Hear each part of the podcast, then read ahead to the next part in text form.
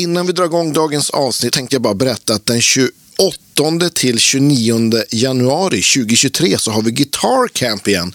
Det ska bli skitkul och den här gången så har vi med Ariel Posen som kommer hela vägen från Kanada. Fredrik Kulle Åkesson från Opeth. David Henriksson som har bott i Nashville i tre år kommer visa en massa sjuka ascoola bandlicks.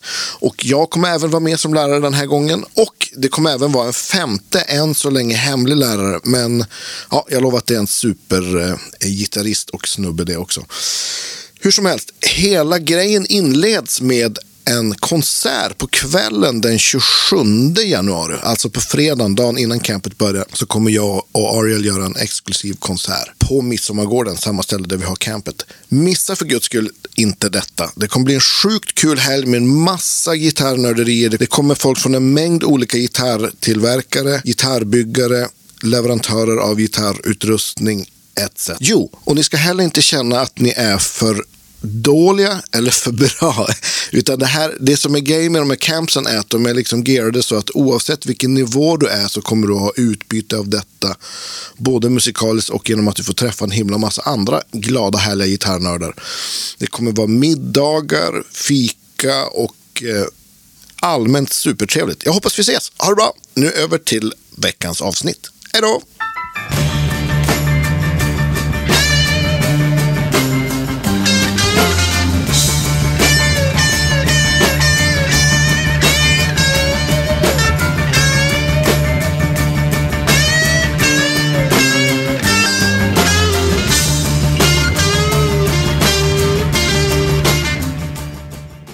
Vi var inne på det lite grann förut. Du har ju liksom spelat väldigt mycket gitarr ja, men genom laptop. Och det här tycker jag är väldigt intressant. Mm. Hur, hur började du liksom... Var det, var det nyfikenheten av ja, men teknik och sound som fick dig att så här... Nu sitter jag här och tittar på fem jättefina gamla rörförstärkare också. Men, men hur, hur, hur, hur, tog du steget? Eller vad, vad fick dig att ta det steget att börja spela in ett ljudkort, höll jag på att säga. Ja, eh, jo, jag, jag, hade, jag gillade ju med eh, att hålla på och eh, loopa och sådär. Ja. Eh, och sen så eh, kom, läste jag om Ableton Live när det kom, det programmet. Det verkade ju perfekt för, för live-looping och sånt. Eh, och, och, så kom jag i kontakt med Per Boysen som är grym på liksom, allting. Jag tog någon lektion för honom för att lära mig mer. Och han eh, gav liksom olika tips sådär. Och sen Thomas Gustafsson, också saxofonisten, eh, han eh, jobbade också med laptop. Så, så vi eh, stötte på varandra och gjorde någon turné inom teatervärlden ihop. Och, eh, som musiker då bakom en föreställning. Och sen gjorde vi några konserter ihop med två. Han hade sin laptop och jag hade min laptop. Och sen så loopade vi ihop liksom. Fast ja, de var inte sammankopplade utan vi bara ja. byggde ljudlandskap. Ja, så. så det var, det var lite grann så som eh, jag kom in och eh, började gilla det. Och sen så eh, i samband med att jag pratade med Per Boysen så sa han att eh, han hade skrivit någon artikel tror jag om Eivind Aset, den norska gitarristen, ja, som var i Malmö nu för det var när jag lyssnade på i ja, några veckor sedan. Ja, vad kul. Ja, han är en så grymt jag. Men han, hans, eh, hur var det nu? Hans Eventide, nu säger jag vad jag bara ja. minnet, är inte säkert det stämmer. Jag tror det var att hans Eventide eh, burk hade pajat vid något tillfälle och då hade han börjat använda Soundtoys-pluggarna. Ja. Och de har, ju så, de har en väldigt bra crystallizer och tydligen är det väl någon från Eventide som varit med, haft något finger med i spelet och utvecklat dem. De har pluggarna. En, som heter, en, en, en som heter Microshift kanske. Den låter ju också väldigt exakt ja. som en Eventide ska jag väl säga. Ja, ja, ja men ja. de låter ju, deras eh, eko Eh, är ju fantastiskt. Alltså alla deras, jag älskar ja. deras pluggar. Eh, Ecoboy och sådär. Men, eh, så, så det var liksom lite grann in i den världen. Och då, då, för det här var ju, ja, det kanske var 2008 eller 2010 mm. någonting. Då var ju inte ljudkorten så snabba så att det, du kunde köra gitarren rakt in i den. Men däremot funkar det rätt bra att köra som effekttapp. Så att man kör eh, igenom den och sen så bara som en effektloop och alla de här ljuden som är, handlar om eh, blöta ljud, liksom reverb, delay och sånt.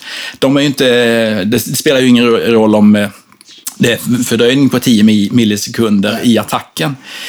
utan du är ändå bara en tapp på ett liksom, det, det, hör man ju inte. Så därför funkar det jättebra som kör som effektrigg. Eh, att ha reverben och delayen och men kör du förstärkare då så sen ja. den riggen? Eller hur? Så när det, det, du såg då, när det, ja. som du sa, det här stora pedalbordet, det gick ju slutligen igenom efter alla de här mog...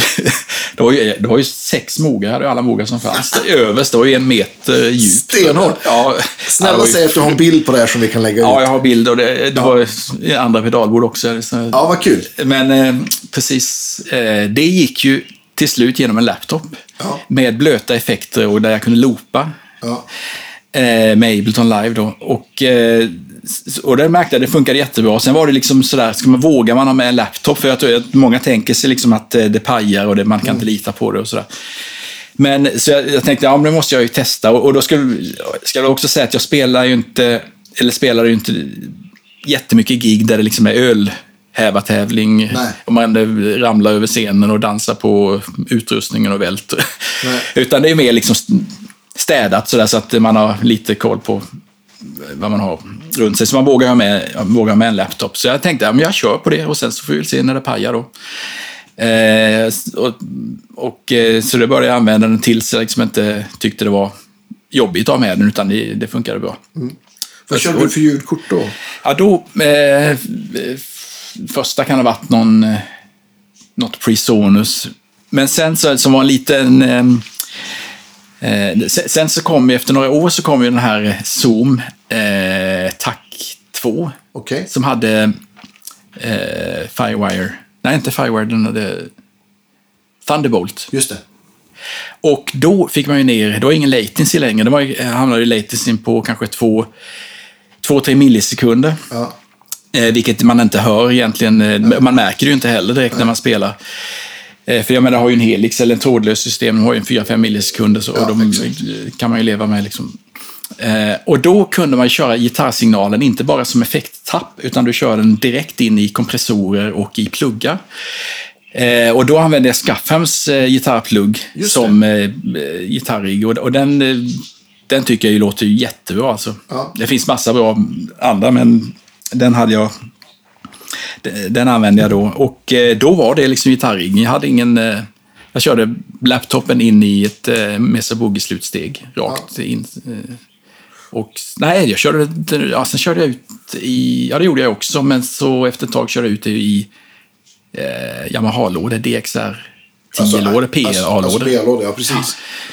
Ja. Eh, och, eh, så det blev riggen och så styrde jag då Ableton via en padda och gjorde ett pedalbord på paddan med en eh, app som heter TouchAble. Ja. Så det byggde jag upp liksom hela, det såg ut som ett pedalbord fast jag styrde med, med fingrarna det mesta. Ja, det. Och vissa grejer styrde jag med fötterna via en sån här Keith McMillan. Som, en sån ja, just det. Ja, men det kan också, den där har jag funderat på att skaffa också. Det ska ja, jag intervjua dig om sen. Ja, just det. Ja, men de är jättebra. Så det blev en del kunde man styra med fötterna, loopar och sånt vill man göra med det. Ja. Men om det var en låt, jag visste att det här ska jag använda på den här låten, då bara klickade jag in de grejerna direkt. Och sen så hade man det ljudet. Och sen så då hade du gjort liksom, så varje, varje knapp på paddan var liksom motsvarande? Ja, chorus eller ja. delay. Just det. Ja eller en, eh, någon annan eh, effekt. Jag menar, och då körde du Skaffem och kanske då ja. Soundtoys för andra grejer då? Ja, ja, ja, precis. Exakt det. Och eh, Lexicon Reverb, så det var ju verkligen de bästa ja, eh, ljud man kan tänka Det som ja. man använde när man spelade in och mixade i, i studion, det kunde man ju använda ut live. Och, Så man behövde liksom inte köpa dubbelt. Det var ju liksom en liten fördel. Man hade ändå allting. så det var bara att ta med det. Liksom. Och... Eh, eh, så, så, ja, så paddan såg ut som ett pedalbord helt enkelt. Med... Men har du gjort så då, jag tänker då du loopar med Ableton. Mm. Kör, hur laddar du skaffen? Laddar du den då som en fristående eller? Nej, den laddar jag i Ableton. I Ableton då, just det, okej. Okay. Och så sen, men jag tänker så här, skickar du ut då gitarren och kanske looparna på olika utgångar eller vad har du för tänk där? Eh, ja, de går på olika kanaler, men går på samma utgångar. Ja. Ja, så att, ja, jag förstår. Så att gitarren har en stereokanal och looparna ja. några andra. Men de, de summeras ut samtidigt. Ja, de summeras ut samtidigt. Ja. Men du kan ju verkligen göra, du lägger upp allting som en mixer. Precis. Så du kan köra looparna på en och sen så reverben på en och delayen på en och no ja. några andra.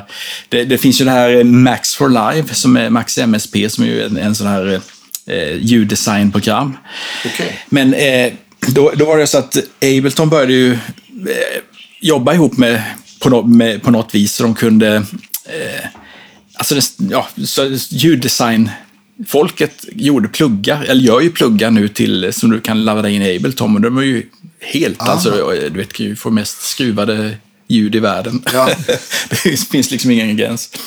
Och det, det, var ju bra, för att då, då hade ju Max eh, om man säger i, i ljuddesignvärlden så mäter man ju saker i tid. Liksom. Det är en sekunds fördröjning och millisekund och så. Precis. I musikvärlden mäter man ju BPM. Ja. Eh, men det här gjorde ju då att, max, att ljuddesignvärlden kom, kunde ha sina grejer i BPM när de började ah, jobba ihop. Så då gjorde att allting kunde synka ihop så man kunde få liksom alla möjliga fräna eh, ljud och sådär. Eh, ja, riktigt skruva till och sådär. Vad, vad kör du mer för, för för pluggar? Man tänker mer för soundscape-grejen. Har du några eh, favoriter? Ja, nu eller ja, ja, för nu. tiden? Eller, eller ja, allmänt eh, bara. Ja, eh, nu, jag använder ju eh, ett... Eh, numera använder jag faktiskt en eh, plugg som heter Jam Origin okay. som omvandlar audio till midi. Oj! Eh, och, och det, det, finns för både gitarr och bas och det gör det ju liksom i realtid. Det funkar ju jättebra alltså. Så, så det här med, som jag pratade om tidigare med midi-gitarren, ja. den, den det har hängt kvar. Jag har ju midi på några av mina instrument och, eh, ja. fortfarande, men den här Roland-bordet har jag inte använt på, på några år nu sedan den pluggen kom. Okay. För nu kör jag allt i, eh, i laptopen som är syn, synta. Så nu kan jag, nu och det ligger de så pass att du känner att det inte Ja, ja, precis. Ja, vad det, häftigt alltså. Det triggar lika bra, det tycker jag absolut. Och jag, men jag använder den mer som eh, pads. Eh, ja. Så då, då har jag ett gäng syntar som ligger upplagda i eh, datorn. Jag ja, det ligger en dator bredvid här. Kan, ja. kan visa lite sen. Men, men eh, då, då kan man styra syntarna. Så då har du liksom ytterligare en värld. Och det funkar ju liksom till nylonsträngar, gitarr. Ja. Det, du spelar ju med Weissborn. Ja, det skulle ju funka helt magiskt bra med det. Låter fantastiskt. Det, måste liten... jag, det här måste jag göra. Ja, ja, och det fina, ska jag säga med Helix, för du, spelar, du använder ju Helix ja. också. Eh, det är ju bara USB utifrån Helixen och in i datorn. Precis. För Helixen är ju ett ljudkort. Exakt. Eh, det funkar med lilla pedalen, Helix-pedalen också. Ja. Eh, så det är bara in med den och sen så ut i andra änden med, till pedalbordet. Ett sånt. Så det tar liksom ingen tid att koppla upp det heller. Det är inget krångel, det tar inte mer tid än att stämma gitarren. Öppna ja. datorn, öppna, öppna Ableton, in med sladdarna och sen så är det igång. Liksom. Just det. Så, så, det, så den, eh, och där finns ju också då, eh, givetvis, där använder jag ju Soundtoys och looparna i, i Ableton som jag tycker är fantastiskt bra. Alltså för att, för att göra loopar så att säga? Ja, ja. och, och eh, där... Jag använder ju looparna mer som ambient ja, ljud också. För att eh, till exempel om du loopar in någonting i Ableton så har du, eh, kan du ställa in att det jag spelar in nu kommer att spelas upp eh, baklänges och en oktav upp mm. i dubbla hastigheten. kan man ja. ställa in. Liksom. Till exempel, eller tvärtom, hur man, precis hur man vill. Eh, så att det, det är ju bara en knapptryckning när jag drar in lite ljud. Om jag vet att jag ska spela någonting där låten går i A-moll eller ja. en introduktion i A-moll. Eller ja. sådär. Ja, lite toner som passar i A-moll. Och sen så kanske några sounds man drar på något, ja, lite sådär. Och sen spelar jag upp det baklänges, då blir det en liten loop som lever sitt eget liv, som liksom skapar en stämning. Kan gå, den låter jag ofta gå genom hela låten. Ja, och sen, eh, och när man spelar starkt, då, då försvinner det ändå. Och sen så kanske man går ner i dynamik och mot slutet och då hör man liksom den här lilla slingan ändå röra sig då. Mm. Så, så det är ju en, eh, det använder jag. Sen finns det också sån här freeze-effekt. Det finns ju pedaler för det också, men eh, sånt ett reverb som fryser kan man ju också, ja. också väldigt användbart. Eh, och sen de här padsen och ja, crystallize och delay och ja, man kan allt möjligt sådär. Och då, då är Fantasin är ändå begränsningen. Ja, men det, det, är precis så. Det är så, är så himla roligt liksom att försöka hitta liksom alla de här eh, användningsområdena och ja. att man kan använda det på alla gitarrer. Liksom. Det ja, tycker visst, jag är, ja. jättekul. Ja, så det, den, det säger du något. Om, I och med att har man en Helix så kan man ju bara köra in vad man nu spelar för instrument genom Helixen. Rakt in i datorn på, på så sätt. Det är ju väldigt, väldigt smidigt liksom. Ja, ja det är det. det, verkligen. Och, och, jag har märkt att eh, det funkar ju i så många olika sammanhang. Man, man, kan tänka sig att när man sitter och berättar om det, att det är, ja, ja, men det, det är bara konst, liksom, väldigt smal musik som ja. kan, man kan använda det i. Men, men, men så är det ju absolut inte. Alltså, det, det är... Eh, det kan vara singer-songwriter-grejer, ja, det kan vara popgrejer, ja. eller eh, jazz, vad, vad som helst. Eh, något som kanske är lite, kanske inte... Visst, Swing? Nej, kanske inte nej. så då, då där, där kanske man inte använder så mycket. Men om det drar något minsta liksom åt fusion-hållet. Ja. Att som gitarrist då liksom, mm. kunna ha lite eh, vara inne i lite keyboardlandskapet om man ja, säger så, med syntar och ja. ibland trycka till på ackord när man får liksom en, ett arr att svänga, så, eller att ja. svälla ut och låta liksom som att, va, är det, det är ju ytterligare Precis. någonting som händer. Det, det, så det är ju det är tvärt emot så här förstärkaren rakt, eller sladden rakt in i förstärkaren, för då, då har man ju det ljudet. Men Precis. här kan, vill du kan du liksom hitta ja, men, annat. Ja, men det, ju, det blir ett, ett instrument till. Ja, det blir ett instrument till. Och, och det, det roliga eh, i liksom det sättet att spela tycker jag är att man, man får ju tänka mer som arrangör än som gitarrist. Ja. Jag, jag, jag, visst, gitarr är, är ju fantastiskt, men det är ju roligt att kunna bygga ett eh, sound liksom, i, i, en grupp eller i ett sammanhang. Det kan vara framförallt de här subtila grejerna. Ja, som, är, som man knappast märker. Men eh, eh, och att tänka som att man arrangerar någonting. Det ju... Precis, det blir någon typ av produ producent, arrangörs ja, men lite fokus så. på ja. också. Ja, men visst. Och sen något som är vackert också, som är förkärlek för, är ju delayer som feedbackar. Ja. Jag vet, du använder ju också det ja. jättemycket i dina grejer. De här skitiga liksom, grejerna som går kanske och snurrar i bakgrunden. De kan, kan nästan ibland gå en hel låt. Ja, så Men sen har man de här vackra klangarna över det. Och då får, då får man liksom som någon form av eh, bild att man har liksom en vacker, vackra scener från liksom en eh, skitig tunnelbana. Alltså det finns ja, något precis. skitigt och något vackert ja, på en gång. Precis. Och det kan vara, en, det kan vara väldigt häftigt att ja. Eh, mixa de där grejerna. Liksom. Ja. ja. men det tycker jag, du nämnde Eivind Arset där. Det tycker jag liksom, norskarna är bra på sådana Ja, de är ju, oj, ja. de är ju legender. Ja. Va, vad spelade Eivind? Var det i eget namn eller var han med någon? Ja, det var eh, kvart, Eivind Arset kvartett. Ah, Två trummisar, gitarr, du vet, ju pedalbord. Det var ju ah. pedalbord med verkligen bord, för han hade ju ett bord eh, framför sig med, med Ableton och med en massor av pedaler. Och sen så var det ju pedal på golvet också, två H9 och eh, mängder ah. av annat. Och sen eh, två Blackface Twin i stereo. Och ja, sen, ja, det här hade jag velat se. ja, det var ju, ja, ja, det var riktigt, eh, riktigt kul. Nej, men det, det var ja, så fett. Ja. Ja, han, jag tror inte han var i Stockholm, för det hade jag nog sett. Nej, han var bara, spelade bara ett gig i Sverige. Det var i Malmö. Ja. Och det var en, eh, en, eh, De kanske var på väg mot Tyskland eller något. Ja, precis. För resten var liksom Europa och något, ja, Norge. Och sen så, ja. så det var en en vän till med Peder Nabo som också gillar eh, Eivind Arset, så han skickade något meddelande. Du vet att Eivind Arset kommer till Malmö. Va? Är det ah, sant? Shit. Ja, visst. vi, och jag var helt förvånad att, att det var så få som kände till det. Eller, ja. eh, som vi också vet vem det är. Han går lite under radarn tror jag. Ja, men jag... jag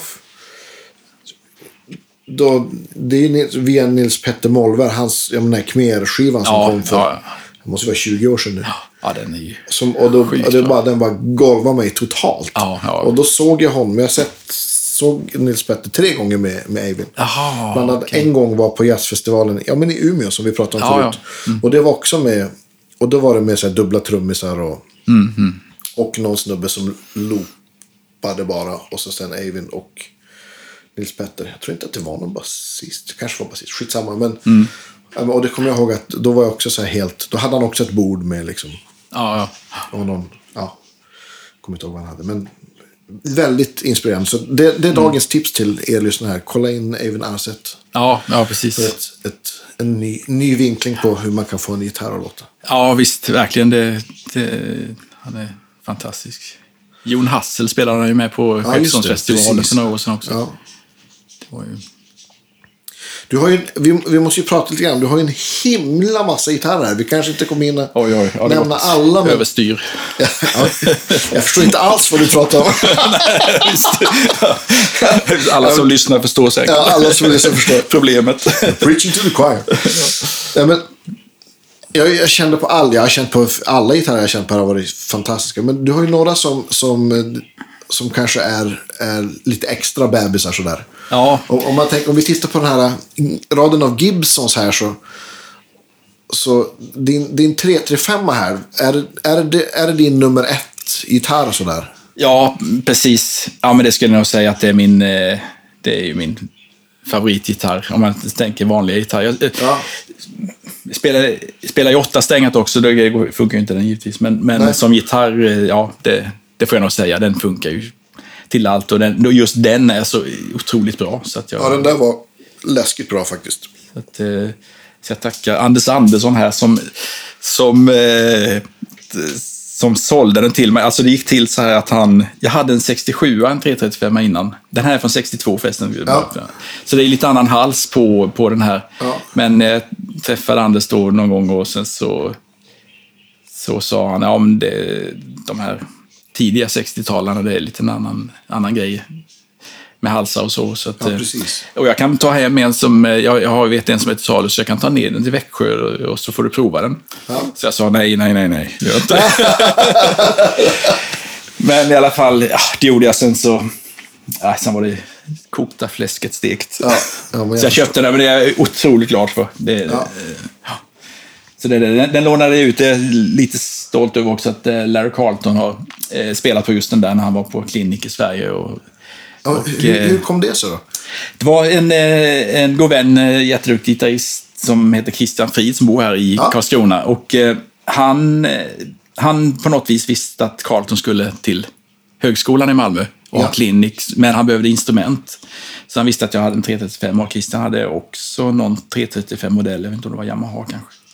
Med en stärkare och lite pedalbord och sen, så att han frågade om jag kunde hänga med ner. Och, så det gjorde jag ju gärna och tog med gitarren och sen ja, så plockade Larry Carlton upp den där och eh, sen hade han den resten av dagen och kvällen. Ja, kul. Körde han på den på gigget också? Eller? Ja, precis. Ja. ja så att, eh, det var ju magiskt. Det är ju, det är ju en husgud också. Det är ju ja, ja, som man ja.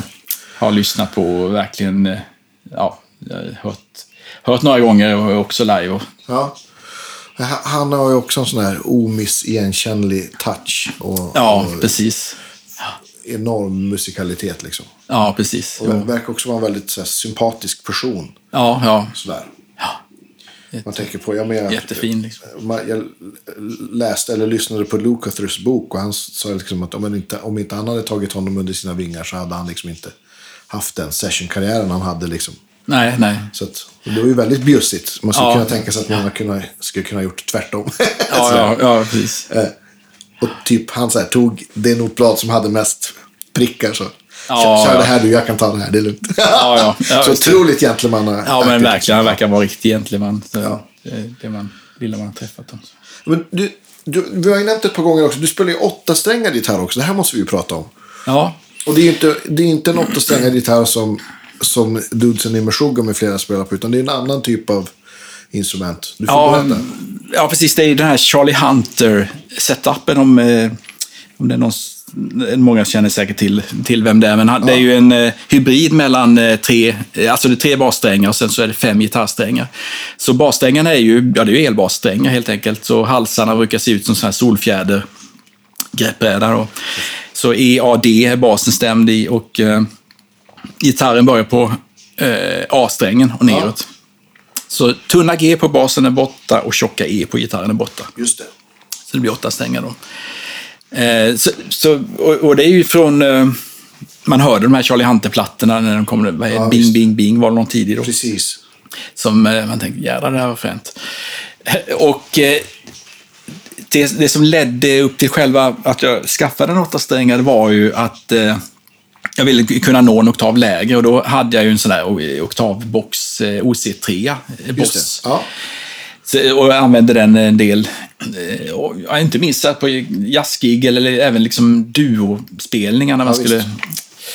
Och sen så hade jag en barytongitarr, skaffade jag också för att komma lägre och sådär vidare. Eh, och sen så dök det upp en åttastängad gitarr, faktiskt en som Sandén hade byggt. Okej. Eh, och då, eh, så då köpte jag den. E- Elektrisk alltså? Ja, Ja. precis. Eh, bara bara ett Med så- samma, one- samma grej med fanfrets och... Ja, liksom. nej, inte fanfrets. Nej, okej. det, var, det, var, eh, det var vanligt eh, Ja. greppbräda på den. Vilket då gjorde att de tunna strängarna var ganska spända och bassträngarna kanske lite lösare då än vad det blir med fanfrets, som jag kanske tycker nog är bättre då. Men, eh, så, så den köpte jag, det var 2008 då. Ja. Eh, och sen eh, använde jag den, det var direkt ut på en eh, skolproduktion. Och i, Ja. fördelen med dem är att man vet att man spelar väldigt mycket spelningar. Det är ju liksom, eh, matar på var, liksom flera om dagen, i, liksom vecka ut och vecka in och sådär. Och eh, det är ett ganska bra tillfälle, har jag märkt, att testa något nytt sådär. För man Ja, får spel, mycket speltid och man får möjlighet att verkligen utvärdera någonting. Så jag hade med den där direkt samma vecka som jag I köpte. skarpt läge bara direkt. Ja, I, i princip. Alltså det var, vi, vi skulle börja repa låtarna och då hade vi, var mitt i repen så tänkte jag ta med den där. Den kommer passa jättebra till, till det vi gör. Eh, och då, eh, så, det, så startade det och sen så efter några år så eh, beställde jag tre, två gitarrer till eh, med några års intervaller då, men den där som, som står här, åttasträngad, utav Wes Lamb. Och numera jobbar han med Hybrid Guitars. Okej. Och, eh, för då, då märkte jag att det här, det här kommer jag använda. Men första, första gången man, tagit, när man testade och tagit hem den, så tänkte man så här, oj, oj, oj, vad har jag gjort nu? Ja. liksom, man blev bara som ett stort Ja. trassel tyckte man med strängar. Ja, men jag tänker också så här, alltså... Man måste, det måste också bli ett annat tänk i och med att om man till exempel ska ha en, en basgång som kanske rör sig lite så kanske man tänker att "Nej, men jag kan inte spela ett ackord med tre toner. Jag kanske får nöja mig med två. För Ja. att jag behöver de här två fingrarna för att kunna göra den här basgången. Eller, Det Ja. måste ju bli liksom ett helt annat eh, en infallsvinkel på... Ja, precis. Ja, men det, blir ett nytt, det blir ett nytt instrument, men eh, man märker ju också att man behöver inte spela så där mycket. Och, Nej. och egentligen så, när man säger att det är en åttasträngad gitarr, så det stämmer ju i och för sig.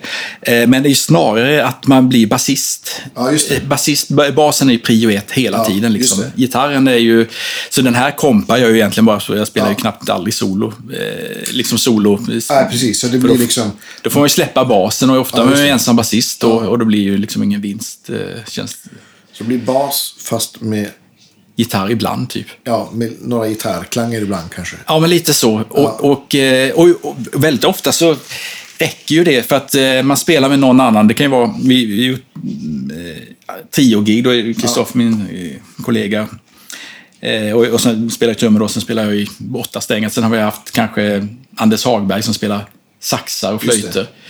Men det blir ganska bra runt det. Eller om man spelar med någon singer-songwriter som själv spelar gitarr och sjunger. Eller Ja, eh, ja, andra sammanhang också. Så kan man liksom gå in där det behövs. Precis. Med, och duogig är det fantastiskt för, för alla er som lirar jazzduo-grejer så är det ju jättebra. Och det var ju lite så jag spelade, i och med att jag var ganska van vid att spela med fingrarna. Eller Ja. till, till saken hör också, ska jag nämna att eh, under tio, alltså jag bestämde mig någon gång så här, i början av 2000-talet, nej nu, nu ska jag bara spela med fingrarna. Man, Ja, det, okej. jag, jag spelar inte med plektrum längre. Nu, jag, för jag hade spelat klassisk gitarr så jag var ganska van vid, Mm. vid det också då. Eh, så då gjorde jag det, vilket gjorde att det var ju lite lättare att börja spela åttasträngat. Om jag hade varit låst till att spela mycket plektrum, då hade jag nog aldrig gått, hoppat förstår. på det, för att det, blir, det går inte med plektrum på det sättet. Eh, så det gjorde också att... Eh, men, men jag menar, kompar man så här jazzlåtar och, och eh, walking-grejer och sådär, och man är van vid det, så är det liksom inget jättesteg att Nej. ha några strängar till. Man får tänka om lite och öva lite, men, men Har den flera outputs? ja, alltså den där har... Eh, den har outputs. Ja, Okej. Alltså, dels är det en då till gitarrsträngarna, Ja. eh, till de fem. Så då kör jag det genom en gitarrstärkare. Ja. Eller helixen har en helt separat linje med gitarreffekter. Då. Basen har ju sin egen rad, rad så då kan man, ju- får man köra den i en basstärkare eller genom helixen i en annan eh, slinga. Då.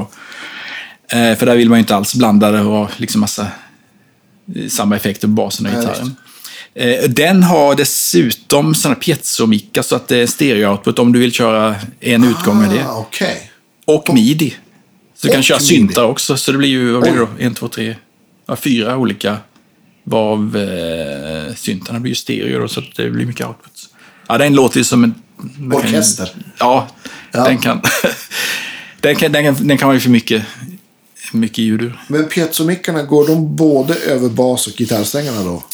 Ja, det gör de, fast de är bara inkopplade på gitarrsidan. Så det är Ja. samma stränghållare hela vägen. jag fattar. Ja, tror jag det var. Ja. Och midit också är bara på gitarrsidan. Ja. Så det är bortkopplat på, på basen där. Och är det samma snubbe som bygger till Charlie Hunter, eller? Nej, det- ja, eh, nu sa jag nej lite snabbt där. I början var det inte det, för det var ju eh, Novax Just det, precis. eh, som byggde Charlie Hunter. Men nu har han byggt åt Charlie Hunter, jag sett. Ja. Så att nu har han använt hans gitarrer, Hybrid Guitar. Så Charlie Hunter kör ju inte med den här setupen längre. Jag, jag tycker den är bra därför att det blir lite lättare att gå mellan gitarr och den, Ja. för de är stämda likadant. Precis. Men jag tror Charlie Hunter kör väl med sju eller sex strängar nu och, och den är från G. Alltså tredje Senast- band på elbas. Eller? Ja, G, ja precis. Från, Istället för en E-sträng. Eller ja, det blir stämt i G, liksom lägsta tonen. Men i kvarter då också, eller? Eh, Nja, det var en bra fråga. En i kvarten? Nej, det tror jag inte. Jag tog Nej. bas... Jag tog det tre bassträngar. Nej, ja, han har bytt några gånger. Ja, ja. Ja, men så det blir G, GCF då på hans strängar, eller? ja, ja du menar så. Ja, ja, just det. Precis, så blir det ju. Alltså, Och så gitarrsträngarna vet jag inte om det är toppsträngar Ja, det. eller Precis. Ja, jag förstår. Han, han, eh, för er som inte vet, men eh, D'Angelos Voodoo-platta är det ju flera av låtarna som är Charlie Hunter som spelar. Ett par av basgångarna där som är... Så de låtarna hade inte kommit till om inte Questlove hade bjudit Charlie Hunter till, till studion. Ah, Okej. Så, dagens musiktips. Ja, ja. Ja. Ja, Han är ju så sjukt svängig. Och han, Ja. han spelar ju liksom solo och all, han kan ju hela maskineriet. Det, det var ju... Han, och kompa sig själv, så han är ju liksom en, verkligen enmans... Jag använder bara som komp, liksom. Ja. Kom, kompmaskin. Men vad, vad tycker du vinningen är jämfört med att ha en typ OC3 eller OC5 eller någon sån som kan göra liksom en oktav på det du redan gör? Ja, det är ju soundet och, och möjligheterna och sen så behöver du inte... Eh, du får ju två strängar till.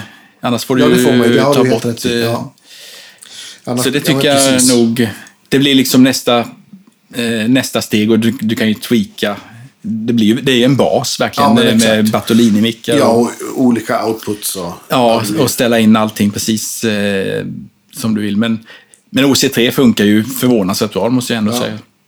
Men om man säger eh, att verkligen få det att, att låta riktigt bra, då tycker jag nog den är ett bra divisioner till. Liksom. Ja.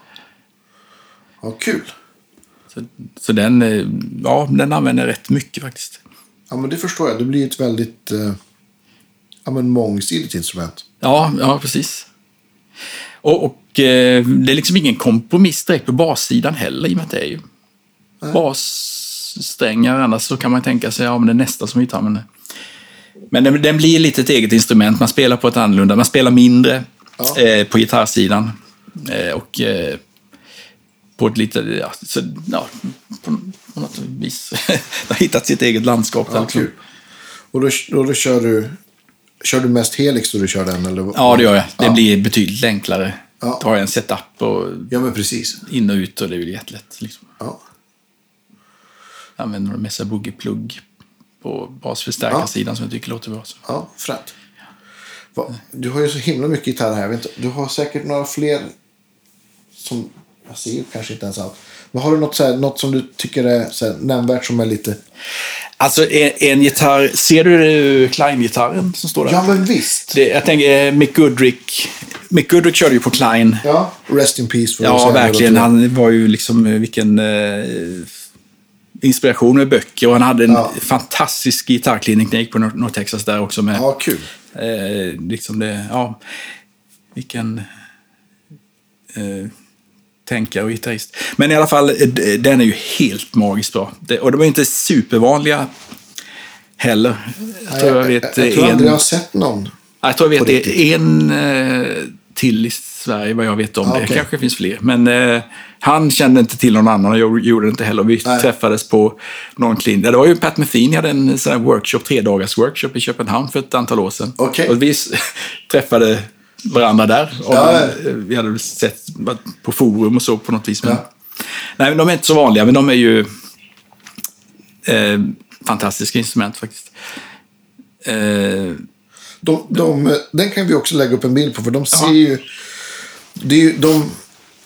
Det kan ju du bättre än mig, men, men visst, han, tanken är väl att han skulle göra ett instrument som var liksom så ergonomiskt som möjligt. Ja, precis. Det märker man när man har den på sig, när man sitter, för den hänger ju perfekt. Och sen sätter man sig ner så sitter man jätteskönt i samma vinkel med Ja. den. Sen är ju också halsen, eh, det är ju ingen dragstång i den, utan det är ju helt solid eh, rosewood. Ah, okej. Så att när man plockar bort halsen och liksom håller upp den i luften så där med två fingrar och sen så knackar på den så är är ju nästan som en marimbaton. Ding! Alltså, Ah, en vanlig fränt. hals, det skramlar ju bara liksom. Ja. Eh, men, det- och det påverkar ju klangen, man får den där lite klock... Just Karaktären. Ja. Frisell spelade ju ett tag på Klein.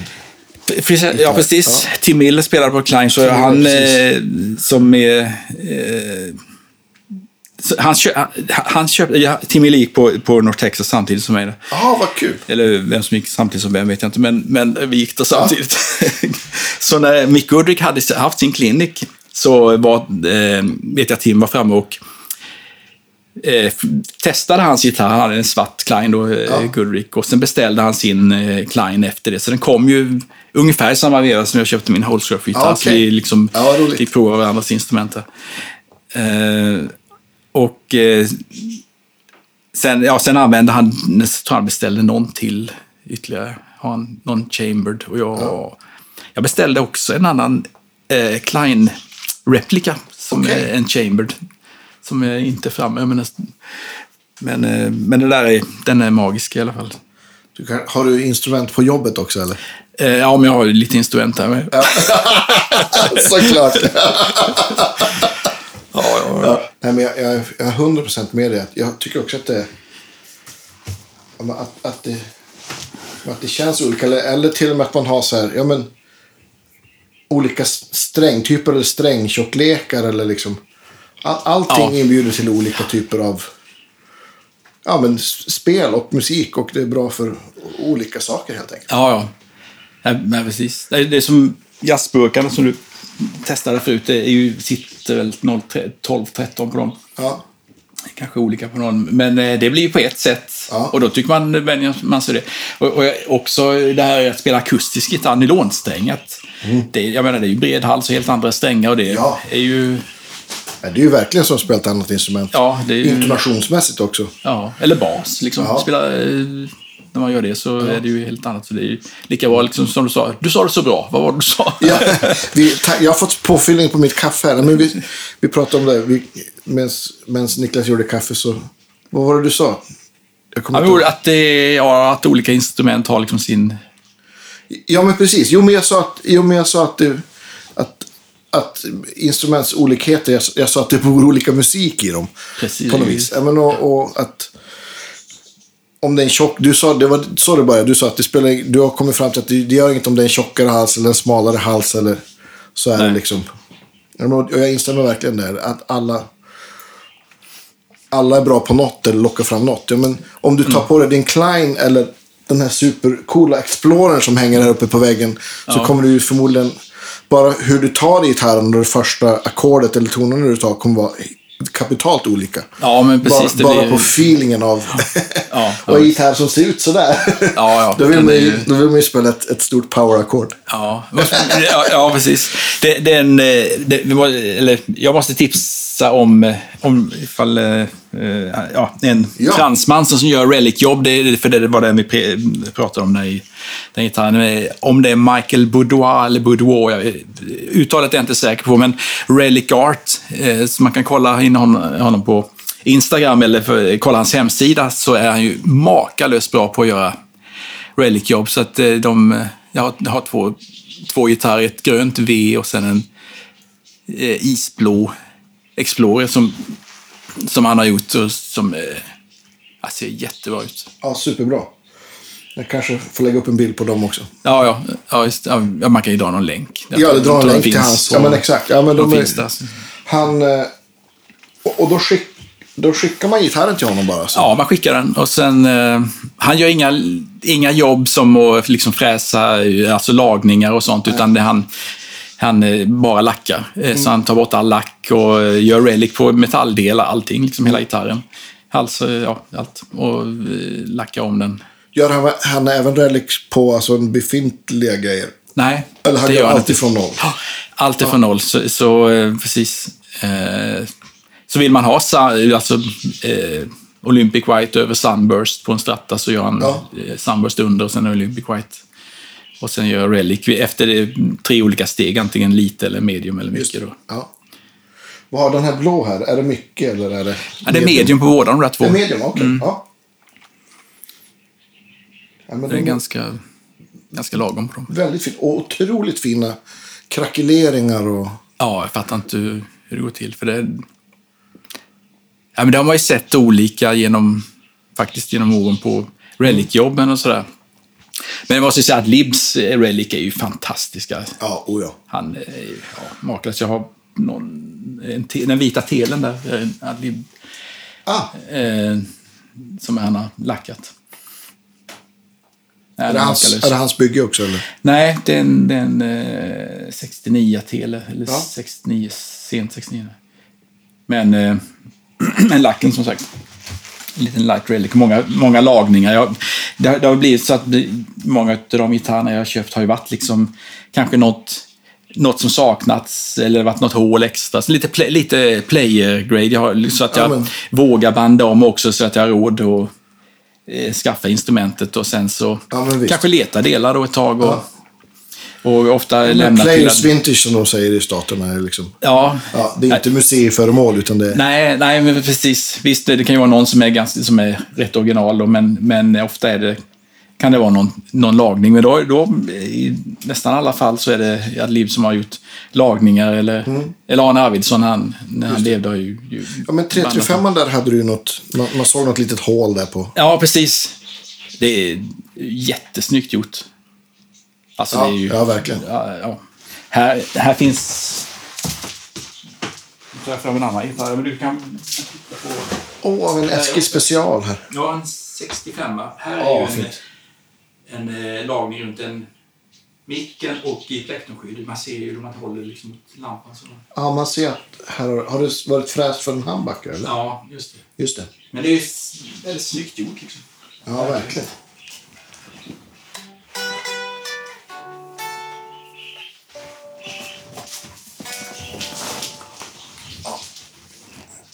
Special, det är tuffa gitarrer. Ja, det, det, det är de, de är riktigt fräna. Ja, men, och den 335 där hade du också, den hade du köpt. Då var det inte paffar då du köpte den, utan det var andra. Nej, precis. Då, då satt eh, annan elektronik från 73, tror jag den. Ja. Och den har en gång varit ombyggd till en eh, 345 eller 355. För det var det där var därför. Ah, därav det hålet som är Precis, igen. så det hålet var när jag köpte den och sen annan, andra mickar. Men eh, har återställt eh, så, eh, det, till eh, liksom det mesta som jag kunde liksom, hitta. Jag hade, hade paffmickar från en annan gitarr som jag satte dit och för jag tyckte det, de skulle passa bättre där. Och stämmisarna är också original, eller? Ja, eh, alltså de är inte original, men jag har originalstämmisarna. Det är bara att det är en sån här, det är, det är de här eh, knopparna som liksom eh, flagnar sönder och blir liksom smulor. Ja, precis. Så att man får ju ersätta Ja. dem, men eh, de ligger i en låda. Sådär. Ja. Och de här Hagström-gitarrerna som står här. Ja, just det. De är ju kul. Den ena av dem är en Hagström Jimmy, 69. De andra två, det står, det står Bjerton på ena huvudet där. Ja. Det är ju en, eh, det är delar ifrån när Hagströmfabriken la ner. Eh, 67 tror jag kan det ha varit. Det kan jag kanske säga helt fel år här. Men, nej, nej, inte det är långt ner 67. Utan där Quisto var, där 67. Så Hagström la ju ner framåt 70-talet någon gång. Eller 80, ja, skitsamma, jag ska nog inte säga för mycket årtal för, utan att eh, tittar, jag tittar upp boken ja. Men i alla fall, de la ner Hagströmfabriken och då var det delar kvar i deras lager. Och eh, Jimmy Daquisto var ju över Sverige och hjälpte till att utveckla den här Jimmy, Hagström ja. Jimmy. Så de byggde och ett antal... gitarrburk. Ja, just en jazzburk. Ja. precis. Den finns ju två varianter. En med F-hål och en med eh, runt eh, hål. Mm. Eh, men då fick de, de gjorde några, någon prototyp de färdigställde, eller kanske några de byggde färdigt, men det var inte speciellt många. Fem, kanske fyra, fem. Och sen så låg det kroppar kvar. Så det kanske var sammanlagt, ah. ja, kanske fem till. Fyra, fem kroppar till och några halsämnen. Så att det där, de kropparna, de två där, eh, den röda och den andra, de är eh, prototypkroppar. Ska vara ifrån eh, Jimmy-modellen. Ja, vad coolt. Och den halsen är, så att det, den satt, Adlib har monterat den Biaton-halsen, för det är också en sån, en del utav... Eh, alltså du köpte kroppen lös alltså? Nej, jag köpte den med en annan gitarr, men det satt en annan hals på som också var Hagström-ämne, liksom gjort. Ja. Eh, och, eh, men den halsen eh, hittade jag hos, eh, vem kan det ha varit? Mats, vad heter han? Ja, i alla fall, så ja. gitarr, känd gitarrbyggare. Men eh, då använde de Bjärton-loggan. Eller de byggde, det är Hagström-huvud med Bjärton-logga. Ja. Så den halsen de, är till de dem. De byggde alltså halsen åt Bjärton då, eller? De byggde hela grejen. Eh, Bjärton eh, byggde åt Hagström. Så skickade ah, okay. de upp allting till, eh, till Älvdalen sen ja. och så monterade de ihop det där, tror jag det kan ha gått till. Eh, men delarna fanns liksom eh, fler delar än vad som blev färdigställt. Ja. Så det här är färdigställt efteråt. Eh, och med det liksom rätt kropp och rätt hals till, det, till Jimmy. Ja. Prototyp. Eh, och, och de är ju, det är ju riktigt trä, liksom det är granlock mm. i de där två och eh,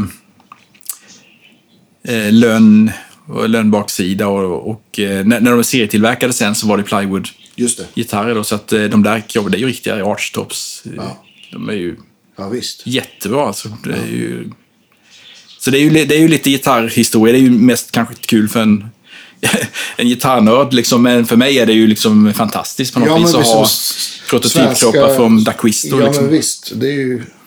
Det är sånt eh, riktigt, eh, riktigt kul med det. Och, och var har du hittat dem? Har du hittat dem? Ja, det var på annons eller ringt runt och sådär. Ja. Eh, och när jag sökte delar så blev, pratade man med någon som säger ja, ring den och den. Ja, alltså, ja. och så hamnar man rätt och med lite tur så kan man hitta liksom, eh, rätt grejer. Då. Ja. Har du något så projekt som gitarrprojekt som du har i pipelinen nu? Något du söker efter eller alltså, vill över? ja, eh, vi har eh, förstärkare som är på, eh, håller på och ska eh, fixas en eh, Blackface Twin. Ja. Där jag köpte en topp Eh, så den har blivit kapad någon gång i, liksom lådan och lite eh, avhuggen någon gång. Så det var en topp kvar bara som var... Ja, det är ganska risigt skick sådär, men det finns en eh, riktigt duktig gitarrförstärkare, ja, byggare och renoverare som heter Sven-Johan Blad uppe i Braås. Och eh, han har den just nu och ska bygga låda till den. Så han har byggt, eh, du ser den eh, Twinnen som står där? Ja. Den är ju egentligen en eh, Dual Showman. Jaha, från okay. 74 då. Som han har konverterat till en Blackface Twin med ja. Blackface-modden och sen så panel och byggt hela lådan och allting själv. Eh, den låter ju ruskigt bra. Ja. Kanske... Eh, twi alltså Twin har på något vis för mig blivit... Jag har köpt på mig lite gitarrförstärkare på senare år. Så där. Jag körde mycket med Helix och jag hade förut, men sen så blev det inte av att jag använde så mycket. Men nu har jag liksom fått lite upp, intresse för vanliga stärkare igen också. Ja, men precis. Nu står det ett gäng förstärkare. Ja, ja. precis. Eh, men Twin har ju, har för mig varit, förr varit sådär att ja, men det är en eh, hård, kall förstärkare som man helst undviker. Och, så. Ja. och de har liksom aldrig låtit bra i sådana här moddar, alltså i så, typ i helixar och Nej. sånt där. När man kommer till Twin, ah, det var liksom, det lät ungefär som man trodde. Men eh, jag tycker, alltså med rätt högtalare, för jag har testat runt i, liksom bytt högtalare på, i dem. Så jag bytte, de jag fick med den, eh, Donna Celestian eh, P1712 någonting. Eh, låter ju jättebra alltså. och jag passade på att flytta runt, testa med Super Reverben och så boogiestärkare och i olika högtalarlådor. Ja, och så har jag en Silverface Twin som är från samma år, 74 också, den är ja. på jobbet nu då. Eh, med, som hade en JBL och någon eh, Altec tror jag. Mm. De som inte lät så kul tycker jag, i, lite, lite hårt, om man ska säga så. Eh, och då testade jag den i de högtalarna, helt annan förstärkare. Alltså högtalarna är ju liksom, det är ju där grejen är. Ja, det inte jag brukar säga, liksom. du har sagt många gånger att det är halva ljudet, men det kan vara mer än så. Ja, alltså det, det var ju otrolig skillnad. Vi hade en eh, på Blekinge Guitar Club nu för några veckor sedan, så var han Sven-Johan Blad nere och hade klinik med rörförstärkare. Och kopplade ja, bland ja, då, då hade liksom en förstärkarvägg med grejer då, gamla Fender Marshall och allt möjligt. Eh, och kopplade bland annat ut en Princeton i eh, en 412 och hur ja. extremt olika det låter. Ja, alltså, han, man glöm... en, en, ja, en liten, för ja, du tänker på Princeton, men det är lite burkig förstärkare ja. där och en Champ också. Kan, ja. är ju liksom, men det är ju lådan och högtalaren som gör så mycket av det ljudet, utan det var ju en helt, helt annat. Så det, det, och där tror jag att många ljud, man, när man tänker sig och ser förstärkare så är det på grund av högtalaren och lådan, inte så förstärkaren så mycket. Nej, men det... Vem, kom, men jag såg en sån YouTube-video med någon du vet, så här, som spelar olika förstärkare genom sam, på typ fullt. Ja, okay. Vintageförstärkare, fast genom samma högtalarlåda. Ja. Och det är så här, det låter typ likadant. Ja. Ja, ja, ja visst. Är lite mer eller mindre där, men det låter väldigt, väldigt lika. Ja, visst. Och rör också. Ja. Eh, han sa någonting, nu snor jag just Johan Blads citat här, men ja. eh, han sa någonting väldigt eh, bra tycker jag. Det gällde liksom det instrumentet som mest ändrade rockhistorien eller som på något vis skapade rockhistorien. Då tänkte man, ja det var ju elgitarren. Ja. Nej, det var ju elgitarrförstärkaren. Ja, exakt. Alltså förstärkaren var ju där grejen var. Det kanske man visste underförstått, det kan man ju, man behöver ju en förstärkare för att spela. Ihop, man tänker att de sitter ihop, ja, ja precis. Men eh, byter man förstärkare eh, från en, det ena till det andra så gör det mer skillnad ofta än när man byter elgitarr. Ja. Eh, mellan de där. Så att det... Ja, men verkligen. Ja, men det, tyvärr så är det också så att de, de Twins som man kan få som backline mm. är ju som de flesta backline-förstärkare aldrig i bra skick. Och kanske inte heller liksom... Ja, det sitter, ja, det sitter hårda JBL. Som... Ja, exakt. det kanske är folk som älskar JBL, men jag vet inte, ja. jag får aldrig till. Nej. Så det... det och du har, vad, har du, vad står det där borta för någonting? Det har vi... Eh, på en... Vibrolux ja. eh, 62. Ja. Brown en brownface, ja. precis. Mycket fin också. Och en, en låda till. Ja, just det. Den har han byggt också. En 210-låda, ja. Sven Johan. Ja, kul. Eh, jättefint. Eh, funkar otroligt bra ihop.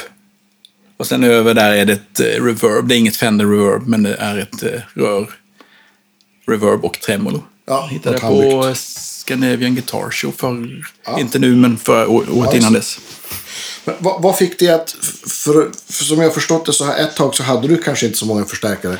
Nej, precis. Men, men vad fick dig att så här, leta dig tillbaka till stärkare då? Alltså lite...